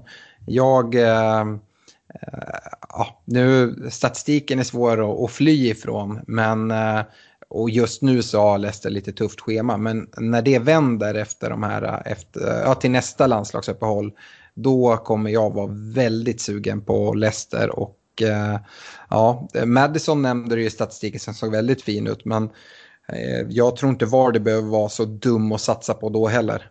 Nej, absolut inte. Vi får se. Leicester har ju smugit igång. Man, till en början så, så eh, tyckte man att de hade, eller var dåliga i början av, eh, eller inledningen här, men, men sen har de eh, kommit med två segrar så att de kanske, de kanske har haft lite ett upplägg på träningen där de inte är toppade från, från början här och eh, kommer bli starkare allt eftersom säsongen går. Mm. Har du några no mer sammanfattningar och så kring, kring statistiken eller vart, eh, vart står vi? Nej, jag har väl inte jämfört jättemycket men jag tycker man kan, liksom om man kollar på kaptensval Eh, Eh, så tycker jag fortsatt att eh, man ser tydliga tendenser till att det är mittfältarna man ska gå till. Eh, de har ju som sagt, får ett poäng extra för varje mål de gör, de har chans att få poäng, en poäng för nollan, om laget håller nollan. Och dessutom om vi kollar på stora chanser som är väl liksom det, det måttet som vi kommer närmast vad som faktiskt leder till mål, så är det på mittfältet. Vi hittar det i, i Sterling och Salah det är inte bland forwards, även om, om eh, det finns några som, där ligger liksom, en, det är många som ligger runt 4-5 där, eller 3-4 kan man säga. Men det är ingen som, som är som Salah eller Sterling. Så där, det caset tycker jag fortsatt är starkt, att man ska kaptena mittfältare. Yes. Uh, ska vi lämna statistiken där och kanske göra en återblick uh, i nästa landslagsuppehåll, eller vad säger du? Absolut. Jag tänkte bara nämna lite kort Eh, Eh, om lagstatistik eh, och eh, expected goals, hur det har sett ut eh, eh, hittills. Och då tänkte jag väl säga att om man kollar offensivt sett, topp tre, Manchester City klar etta på 11 expected goals. Tvåa är faktiskt West Ham på 7,67 följt av Manchester United på 7,4. Så att ja, där har ni lite att fundera på. Man det har ju, man, det har ju varit väldigt mycket kritik eh, mot, eh, mot United framförallt. Eh, men eh, ett lag som West Ham tycker jag eh, är imponerande att de har letat sig upp topp tre där.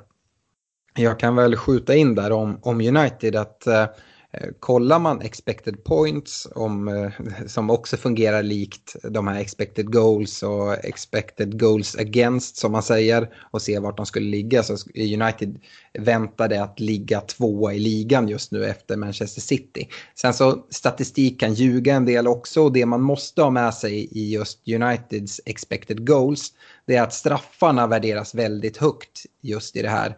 Och eh, United har fått väldigt mycket straffar så det, det ska man också ha med sig. Absolut. Eh, kan ta med sig en annan reflektion från eh, expected goals. Det är också eh, hur bedrövliga Newcastle och Crystal Palace samt har varit. Eh, de, de, har inte ens kommit upp i, i fyra förväntade mål. Eh, vi har även slamkrypare i Aston Villa som precis eh, letar sig över fyra och Leicester faktiskt 4,3 Eh, och Everton som också är ett förväntat topplag på 4,4. Eh, så att eh, där har ni några som har inte presterat lika bra. Tänkte även kolla lite på vilka lag som har sett heta ut defensivt, alltså som inte har släppt till så många chanser. Och där hittar vi återigen Leicester, bäst av alla lag. 2,75 insläppta mål förväntat. Tvåa är United med 3,25 och trea är Manchester City 4,27. Mm. Ja, men där eh, ser vi United igen och det är som sagt, de har haft lite oflyt samtidigt som spelet inte har övertygat jättemycket.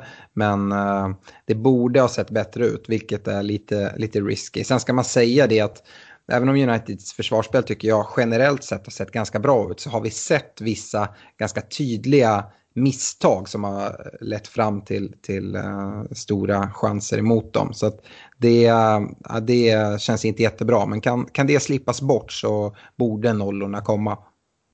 Absolut. Uh, var det något mer? Nej, det går ju att snacka hur länge som helst om statistik, men jag, jag tror jag har fått fram det, det liksom, som, som jag tycker sticker ut mest här i inledningen. Ja, Stefan, du älskar din statistik, men jag håller med där. Det finns väldigt mycket positivt att ta med sig från statistikgenomgångar och kolla på. Det är saker som man inte ser själv när man kollar, kollar många matcher. Vissa saker får man bekräftat, men samtidigt så blir man ganska eh, chockad av, av vissa, vissa siffror. Och så. Jag tycker att en kombination med statistik och även Eh, magkänsla och vad man ser när man kollar på, på matcherna. Eh, det måste vägas samman tillsammans med spelschema och sådana saker. Eh, om vi går vidare då, så vi kan bara kort nämna om poddlaget innan vi kommer till rekommendationerna. Vi gick ju igenom det förra veckan. Vi kommer avvakta presskonferenser för att få lite mer besked. Det är över två tveksamheter i van Bissaka och Martial i vårt lag som eh, Eh, fortfarande står som osäkra. Men eh, vi, eh, vi inväntar presskonferenser. Om vi går till rekommendationerna då. Eh, ja, vi ska starta med försvarare som vanligt, Stefan, och du kan få äran att börja. nej, det är, jag, det är ingen hemlighet. Jag upprepar min rekommendation från, från förra veckan i Trent Alexander-Arnold. Ja, och det är fullt förståeligt. Vi har gått igenom statistiken, alla vet vad som finns där. Eh, den här Eh, veckans rekommendationer kommer ju kanske vara lite färgade av just statistiken vi har tagit fram. Min rek utöver Trent som du nämner är ju Digné som också stack ut ganska, ganska ordentligt. Ja, absolut. Han ser fin ut. Uh, mittfält då? Uh, ser vi Sterling eller Salah där? Nej, nej. Uh, här har jag faktiskt gått på Son Eh, som eh, Ja, Spurs eh, matcher i, fram till nästa landslagsuppehåll eh, är ju bland de bästa eh, i, i ligan. Eh, och jag tycker Son har imponerat sedan han kom tillbaka här, så jag går på honom. Ja, jag, jag får ändå gå på Salah. Jag gillar hans match nu kortsiktigt. Eh, om man ställer honom, vi kommer väl komma till det i kaptensdiskussionen då vi kommer prata eh, mycket City och Liverpool skulle jag tro. Men eh, att Salah inte har varit iväg på något landslagsuppehåll utan fått vara i Liverpool och ha lite ledigt och, och sådär. Det talar väldigt gott för honom och eh, jag är väldigt eh, säker på att Salah inte kommer roteras på något sätt nu till helgen. Yes, jättebra rek. Eh, dock, dock mycket pengar. Ja, absolut. Eh, Forwardsidan då? Ja, här har jag gått på, på Barnes faktiskt. Uh, Burnleys matcher kanske trumfar Tottenhams uh, fram till nästa landslagsuppehåll än mer. Uh, och jag tror att de har riktigt bra chans att plocka hem mycket pinnar i de här omgångarna 5 till, till 8. och jag, därför går jag för Barnes. Jag älskar ju min Sebastian Haller i eh, West Ham och eh, han kommer få min röst. Och precis som Salah så har inte han varit iväg på något landslagsuppehåll och fått vara i London och bara tränat på. Eh, West Hams schema ser också jättefint ut. Han har fina mittfältare, kreativa som hotar bakom också. Jag tror att vi kommer få se poäng från Haller på alla möjliga sätt, både med assist och mål. Ja, han ser fin ut. Ja, jag instämmer där också. Uh, varning då? Ja, min, min varning den här veckan är ganska enkel. Det är dels landslagsuppehållet som har varit och precis som vi gick igenom i början av podden. Det är spelare som kommer ha väldigt mycket resor och långa resor i benen. Och det i kombination med att Europaspelet för topplagen drar igång. Uh, jag tror att eh, man bör sitta med en uh, bänk i alla fall med startspelare så att man inte sitter där med Eh, Mason Greenwood och andra populära 4,0 försvarare i Kelly som är lite osäker och kanske några skadade spelare eller sådär. Så man ska ha en vettig bänk för att jag tror att vi kommer se en del rotation. Ja, eh, nej, men det, det är en jättebra eh, varning. Jag, jag hafsar fram någon här lite snabbt och vi har redan pratat om den och det eh, är ju Watford. Eh, tre extremt tuffa matcher eh, kommande här eh, och ja, man behöver inte säga så mycket mer än så. Jag tror dessutom, dessutom inte så mycket på, på den här tränaren som är nygammal som de har tagit tillbaka. Kaptensvalet då? Vi pratade lite om det här off-air, Stefan, för en, en vecka sedan. Det lär väl stå mellan City och Liverpool för ganska många. Ja, jag, jag går ju 100% på, på Salah. Uh, och vad får dig att gå på Salah? Eh, fördelen för Liverpool kan väl sägas att de har uh, hemmamatch mot ett svagt Newcastle. Men Citys match borta mot Norwich är också väldigt fin. Norwich som har enorma skadeproblem i sina defensiva led och Eh, vi vet att det jag tror vi kan förvänta oss i de olika matcherna är ett Newcastle som precis när de mötte Spurs borta kommer backa hem med hela laget och försöka stänga matchen. Samtidigt som Norwich förmodligen inte kommer göra det utan bara ösa på. Det är väl det som talar för City skulle jag säga. Ja, nej, det finns absolut en. Jag tror City kommer vinna mot Norwich. Eh, sen eh, är jag väldigt, väldigt mycket mer orolig för att eh, Sterling antingen inte spelar eller att han får ett inhopp eh, eller blir utbytt tidigt. Ja, det, det, är det som talar, talar emot City, eh, City-spelarna. Att eh, risken för rotation är mycket större för spelare. Eh, jag skulle säga att om man nu ska gå på ett City-alternativ så Sterling ska ju såklart nämnas, Kevin De Bruyne också. Jag tror att City kommer starta med ett ganska starkt lag och försöka stänga matchen tidigt och sen kanske byta ut spelare. Eh, Agüero är dock ett ganska eh, bra bett uh, skulle jag säga som, som kapten i en sån här match. Ja, vem rekar du då? Jag rekar Salah. eh, Ja, jag tror att, eh, för att vi inte ska reka samma, jag, jag har inte alls bestämt mig själv. Jag tycker Salah är bra. Det som verkligen talar för honom är att han kommer spela eh, mycket. Å andra sidan tror jag ju precis samma där, att om Liverpool nu får hål på Newcastle och leder med ett par bollar så tror jag nog att, han kan tas ut med tanke på Champions League. Fördelen han har är att inget eh, landslagsspel. Jag väljer väl ändå att reka Agüero då jag tror att han kommer starta och Eh, göra mål mot Norwich. Yes. Eh, differential val då. Jag bara kollade lite fort. Vad har vi för intressanta spelare som har en ägare en del under 5% och fick fram tre stycken som jag tycker verkligen sticker ut. Eh, Lacazette, det ska väl nämnas där då att det finns vissa skadeorosmoln. Uh, men han ägs endast av 2,8 procent och där kan man ju verkligen sticka ut. Och Arsenals spelschema har vänt nu och vi ser ganska fina matcher. Son som du rekade som mittfältare ägs endast av 2,6 procent.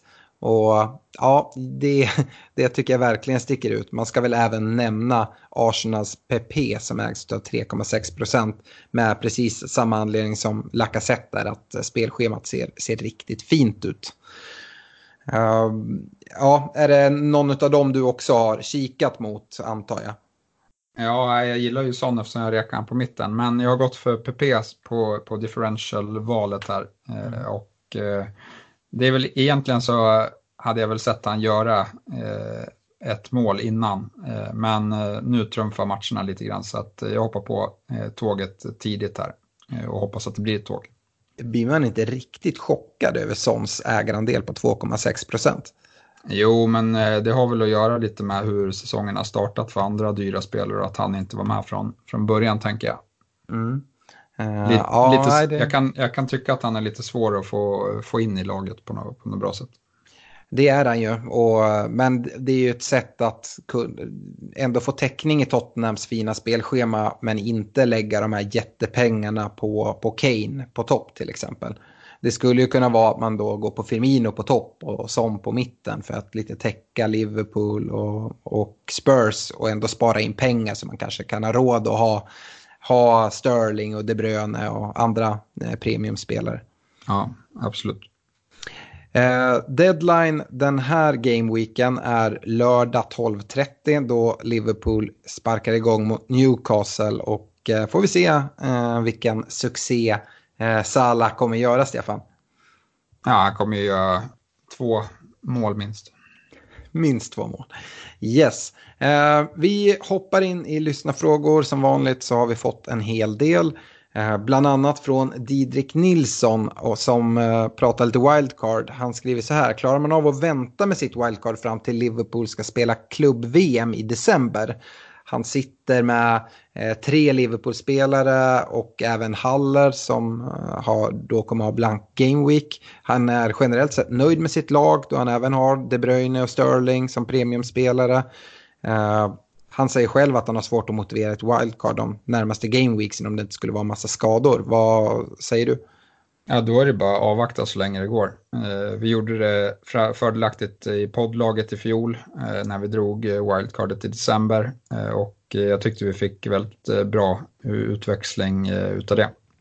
Ja, man ska inte vara rädd att dra ett tidigt wildcard, men om man precis som Didrik skriver här att han är rätt nöjd med sitt lag, de spelare han nämner tycker jag ser fina ut och han har bra täckning på, på de här lagen vi tycker man ska ha.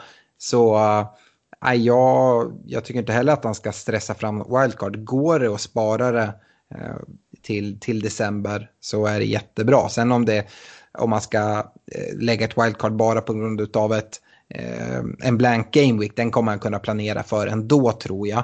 Men fördelen med att dra det sent är ju framförallt att man har sitt lag byggt för ja, med början av nästa år. Så man lugnt och tryggt kan sitta med sitt andra wildcard fram till eh, senare på säsongen då det brukar bli en hel del double game weeks och blanka game weeks då man eh, brukar ha stor nytta av att dra sitt andra eh, wildcard ganska sent.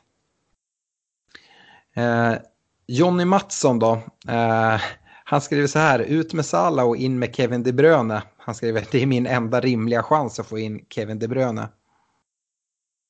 Eh, ja, den är ju lite tuff. Eh, nej, men som sagt, jag vet inte vad han sitter på för lag i övrigt, men eh, eh, droppa Sala kan, kan bli dyrt, men att få in, liksom, om det är det sättet att få in De Bruyne, så De Bruyne ser också glödhet ut. Ja, eh, jag vet inte vad, vad man ska komma med för rekommendation, men jag skulle aldrig riktigt kunna rekommendera att ta ut Sala. Eh, Nej, inte vi... i det här tillfället heller, men liksom Newcastle hemma, ingen landslag. Nej, nej, jag tycker det känns, känns riskabelt. Samtidigt så Kevin De Bruyne ser jättefin ut, men ja, samma där om man ska gå på kaptensval så jag, sätter ju, jag känner mig väldigt mycket tryggare att sätta binden på, på Salah än Kevin De Bruyne i alla fall. Även om Kevin De Bruyne har imponerat både i, i statistik och i, i fantasy. Um, så ja, det ska man också ha med sig in. Eh, McLean är också inne på det här, måste få in Kevin De Bruyne på något sätt. Men här eh, är det inte Salah som ska dumpas utan han skriver att han eh, måste nedgradera Kane.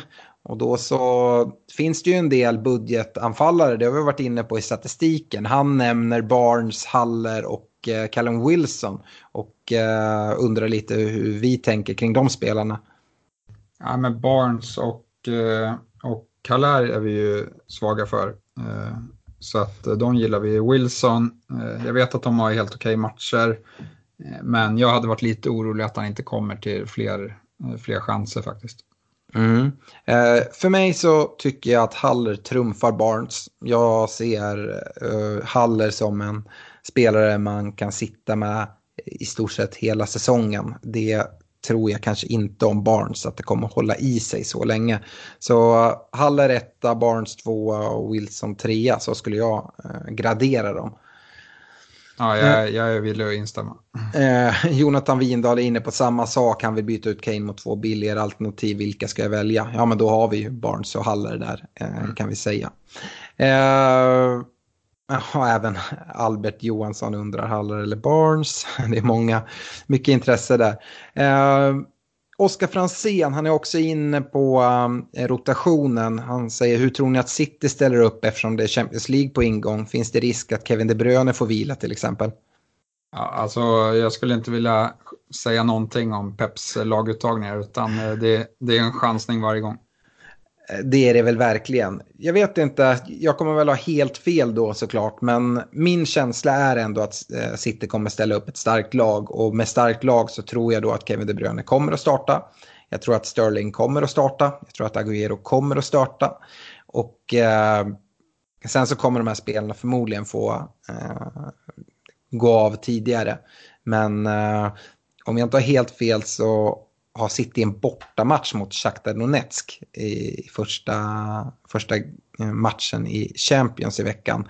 Och det är en, det är en lång resa och sådär. Så att eh, vi kommer absolut få se någonting. Men precis som du så är inte jag beredd att eh, ge något givet svar hur City kommer ställa upp. Det är ingen som vet. Och tyvärr kan vi nog inte förvänta oss några solklara besked från eh, Peps presskonferenser. Han brukar inte eh, vara villig att ge det heller. Nej, men både Sterling och De Bruyne har ju eh, spelat landskamper där de har varit eh, väldigt överlägsna här på slutet så de har nog inte tagit ut sig max i andra halvlek i de matcherna. Nej, och Sterling till exempel spelar hemma ikväll mot, mot Kosovo. Uh, det är liksom inga, inga res, restider att tala om eller sådana saker. Uh, han spelar hela, hela 90 i, ikväll, men uh, som sagt i alla fall inga långa resor. Eh, det visar ju kanonform dessutom. Eh, Erik Bäckström, han är inne på sån och precis det du sa att han är lite svår att få in. Är han ett alltför dyrt alternativ? Det är ganska mycket att skruva på för att få in honom. Ja, det kan vara lite trixigt att få in honom. Absolut.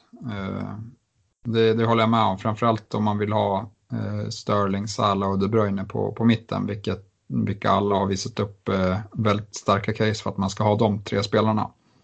Så. Men han skriver ju det också, precis som jag var inne med ägarandelen. Han skulle ju kunna bli en helt briljant differential, skriver han. Ja, absolut. Jag har honom faktiskt privat, så jag hoppas ju verkligen att han öser. Eh, men det kan ju även slå fel, gör han inte det, då, då sitter man där och är en utav få som äger honom. Mm. Eh, Mikael Andersson, Lacazette och Ceballos eller Wesley och Son? Eller ska jag behålla Vardy och Thielemans mot United? Eh, oj. Eh. Tre alternativ där. Antingen ja. gå all in på, på Arsenal i Lacazette och Ceballos eller få in Son som vi har pratat en hel del om tillsammans med Wesley i Villa. Eller eh, fortsätta tro på, på Leicester och spara byte. Ja, eh, nej men eh, nej, det är svårt. Leicester skulle väl kunna eh, göra det bra men de har, jag, tycker, jag gillar inte att de har svårt spelschema. Eh, Ceballos Lacazette, jag hoppas att det blir bra, men den känns rätt riskabel också med speltid, eh, om man tänker speltid. Eh, nu gjorde Ceballos det bra i, i landslaget, eh, och, eh, men det, han är ändå inte helt given skulle jag säga. Eh, Lacazette, där vet vi inte riktigt varför han har fått eh, så få minuter och dessutom kanske någon form av skada. Så ja, jag vet inte. Och det sista alternativet, där gillade jag egentligen bara Sonja. Jag vet inte om jag gillar Wesley så mycket. Nej, jag håller med. Jag tycker inget av alternativen känns jättelockande. Uh, och uh, om in, inget känns lockande just i detta nu så skulle jag kanske spara bytet. I och för sig Vardy och Tillemans mot United, men det kan ju mycket väl bli poäng. Eh, Vardy älskar ju de här matcherna. Och, eh, I så fall liksom skjuta på det en vecka till för att eh, få lite mer information och kunna göra bytet därefter. Eh, André Wideheim Ekelund, Kane eller Vardy som anfallare, rätt stor skillnad på priset, läge för ett byte och få in mer pengar till mittfältet. Ja, då, då låter det som att han har Kane redan. Eh, jag skulle mm. inte byta ut Kane nu om man sitter på honom och, inför de här matcherna. Nej, nej jag, jag backar det och sen så att eh, ta in Vardy nu skulle jag inte göra. Skulle jag ha honom kanske jag skulle sitta kvar med honom men jag vet inte om jag skulle ta in honom med det här spelschemat. Även om man som sagt gillar de här tuffare matcherna och får kontringsspela som man är så bra på. Så nej, uh, jag hade nog suttit kvar med Kane. Uh, Malcolm Lejonhjelm, vad har hänt med Mariappa i Watford? Noll minuter och verkar inte vara skadad. Har du hört något, Stefan? Eh, nej, men eh, Watford i helhet kommer ju kanske bli en hel del förändringar nu med ny tränare, så där ska man nog eh, kika om man då är intresserad. Men jag, jag har svårt att se varför man skulle vara intresserad, i alla fall här på kort sikt. Jag håller med. Challe Bengtsson Jarup är en av dem som ja, många har varit inne på tidigare och lockas av Adrian i Liverpools mål. Är det något att ha för 4,6 tills Allison kommer åter och han undrar om vi har hört något, se, något det senaste om Allisons rehab? Eh, nej, jag, jag är inte sugen. Det är bara ett extra byte som jag ser det. Ja, de här målvaktsbytena vill man gärna undvika i eh, största möjliga lag. Dessutom här så vet man att om han tar in Adrian nu så kommer han behöva göra ett byte här inom ganska, ganska kort tid. Vi vet ju inte när Alisson är tillbaka men det kommer ju, han kommer komma tillbaka och då är eh, Adrians plats på, på bänken. Så att, nej, jag lockas inte av det här överhuvudtaget. Kristoffer eh, Alm undrar vilka de bästa budgetbackarna är just nu mellan 4 och 5 miljoner. Det är ju en ganska svår prisklass, Stefan. Är det några du har direkt på uppstuds? Ja, nej, Lundström kanske inte, eller Lundström kanske inte är grym om man kollar till spelschemat, men han ska ju definitivt nämnas en spelande eh, 4,2 back. Eh, Lowton var väl den i statistiken som jag hittade som eh, liksom kan kombinera ett billigt pris med lite kreativitet och eh, eh bra matcher. Så de två vill jag väl slå ett slag för. Mm.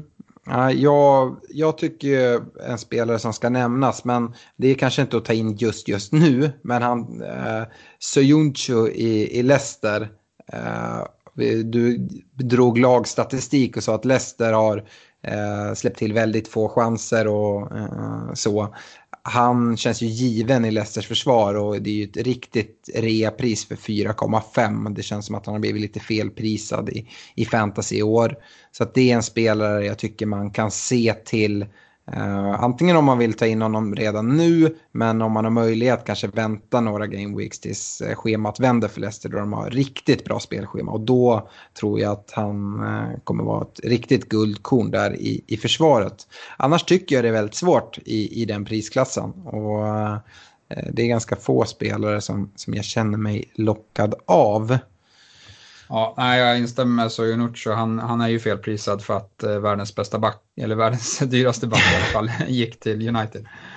Yes. Eh, eh avslutningsvis, Jocke kaptenen, vad 17 gör man med Coleman? Sitter på Sinchenko på Liverpool backar, har 0,8 på banken. Everton har ju ganska hyfsat schema, men är det värt att behålla Coleman? Ja, nej, jag har lite problem med, med just Evertons defensiv. Eh, och eh, därav så har väl, tycker jag att Dignér känns bättre att äga. Eh, och då förstår jag att han tycker att det är jobbigt att sitta på Coleman. Men eh, eh ja, antingen spara pengar, eh, men kanske genom två veckor till här då, då matcherna är fina. Eh, så kika runt lite eh, och se vad, vad som man kan göra efter det. Är det helt att utesluta ett sidledsbyte? Han hade en 0,8 på banken vilket gör att han har råd att ta in Digné istället för Coleman. Nej, ja, då, det är faktiskt ett alternativ eh, han skulle kunna eh, överväga. Mm. Jag tycker att Digné är mycket bättre. Och han mm. tar hörnor och, och frisparkar och liksom ha, han har mycket mer eh, vägar in i poängen. Yes. Uh, ha, hade vi några frågor från Twitter idag? Absolut, vi hade några stycken bara. Uh, nu ska vi se. Filip, han undrar Heaton eller Ryan i kassen inför Game Week 5. Eh, måste jag få fuska lite. Eh, Ryan, Brighton har hemmamatch mot Burnley. Och Aston Villa har hemmamatch mot West Ham på måndagen. Ja, det är eh, Ryan för mig. Det, ja, det är det nog för mig också. Jag tycker West Hams äh, anfallsspel har sett riktigt, riktigt bra ut samtidigt som att Villas försvarsspel inte är kanon.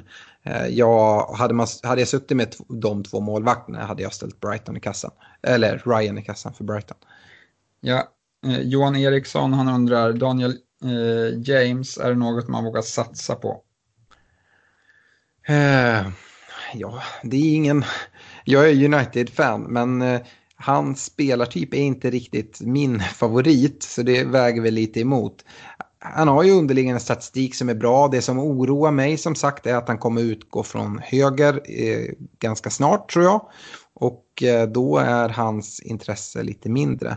Eh, sen får vi se, det är möjligt att eh, Solskär tycker att James har gjort det så bra från vänster också. Och eftersom att Martial har framförallt spelat uppe på topp så skulle Rashford kunna utgå från höger.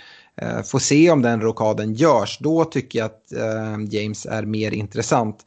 Men eh, om eh, det blir så att James kommer ut till högerkanten eh, så tror jag att vi kommer få se ganska tydliga eh, skillnader i skapade lägen och poäng från James sida. Men priset 6,1 är ju jätteintressant såklart. Så att, Ja, jag tycker inte att det är fel att kolla mot James. Det tycker jag inte. Men eh, jag har en del uh, saker som oroar ändå. Yes. Eh, Samuel Pettersson undrar, ska man hålla kvar i Aubameyang? Eller är det värt att ta in en billigare forward? Eh, jag har redan Wesley. För att få in eh, De Bruyne på mittfältet. Ja, det är, det är alltid svårt med sådana här enskilda frågor där man inte ser hela laget. Eh, Aubameyang, eh, alltså spelschemat för Arsenal ser bra ut. Eh, jag håller väl lite med om dina eh, betänkligheter kring honom, att han kan utgå en del från vänster istället för som central striker. Men samtidigt så Ehm, blir det ju lite som så, när du och jag har pratat det här internt så droppar ju Lacazette ner lite grann och de offensiva hoten framförallt kommer från kanterna i form av PP och Aubameyang som då kommer i djupet med fart. Så att, eh, ja, det är svårt. Ja, det är svårt att kolla man på Arsenals spelschema så är det liksom eh, drömbra fram till liksom i december nu. Eh, så ja, jag, det, jag förstår att man sitter i en knivig sitt. Samtidigt är man utan, utan Kevin De Bruyne. Hans form ser inte ut att dippa på något sätt. Uh, jag, jag, har faktiskt ingen så här, gör så här, utan jag tror att uh, det finns ju budgetalternativ på forwardsplatserna som verkligen, verkligen levererar. Eh, vi har pratat om Haller, vi har pratat om Barnes, vi har pratat om Pukki. Det finns liksom fina budgetalternativ, så tappet där kanske inte blir så stort. Frågan är ju vems plats Kevin De Bruyne tar. Ehm, men eh, ja, eventuellt då ditcha Aubameyang. Men eh, jag tror att vi kommer se väldigt mycket poäng från Aubameyang ska jag ändå säga. Yes. Eh, sista frågan från Henrik Mattsson då. Rangordna följande tre avbytare. Greenwood, Cantwell och Soyuncu. Han har mycket skador här så han, han behöver använda sin bänk. Ja, eh, vad har vi då? Vi har en Mason Greenwood i United. Jag är ganska säker på att Greenwood inte kommer få starttid. Eh, vilket då gör att han bara eh, riskerar att få ett kort inhopp, vilket han mycket väl kan få i Uniteds ganska eh, tunna trupp. Eh, att han får tio minuter, mm, inte så taggad på det han sätter jag nog längst bort. För Cantwell kommer ju starta eh, hemma mot, mot City. Det tar jag för givet. Sen så eh, är det ju en jättetuff match såklart. Men Norwich har visat tidigare att de kan skapa mot bättre lag. Så han håller jag väl ganska högt. Vem mer sa du att det var? Turken i Leicester, Sionchu. Ja, och de möter United borta. Ja, eh, jag tror att jag håller Cantwell som etta. Jag tycker att det är lättare att se offensiva poäng från, från Cantwell även om det är City. Eh, dessutom spelar de ju hemma Norwich. Och, eh, jag skulle sätta så. Eh, håller du med mig Stefan eller vill du ändra ordningen? Nej, Cantwell eh, klar etta utav dem skulle jag säga. Eh, sen tycker jag båda är riktigt svaga alternativ så förhoppningsvis behöver han inte använda mer än en eh, bänkspelare. Mm. Eh, jag tycker i alla fall att Greenwood är ganska tydlig eh, trea i, i den ordningen. Yes, det var väl eh, det. Nu önskar vi alla ett stort lycka till till att eh, Premier League är åter till helgen och eh, missa inte att göra era byten här i eh, deadline på tidigt på lördag. Och eh, så kör vi vidare och vi är åter i eh, nästa vecka med ett nytt avsnitt. Ja, det ska bli riktigt kul med Premier League tillbaka. Eh, lycka till alla den här omgången. Hej! Hej!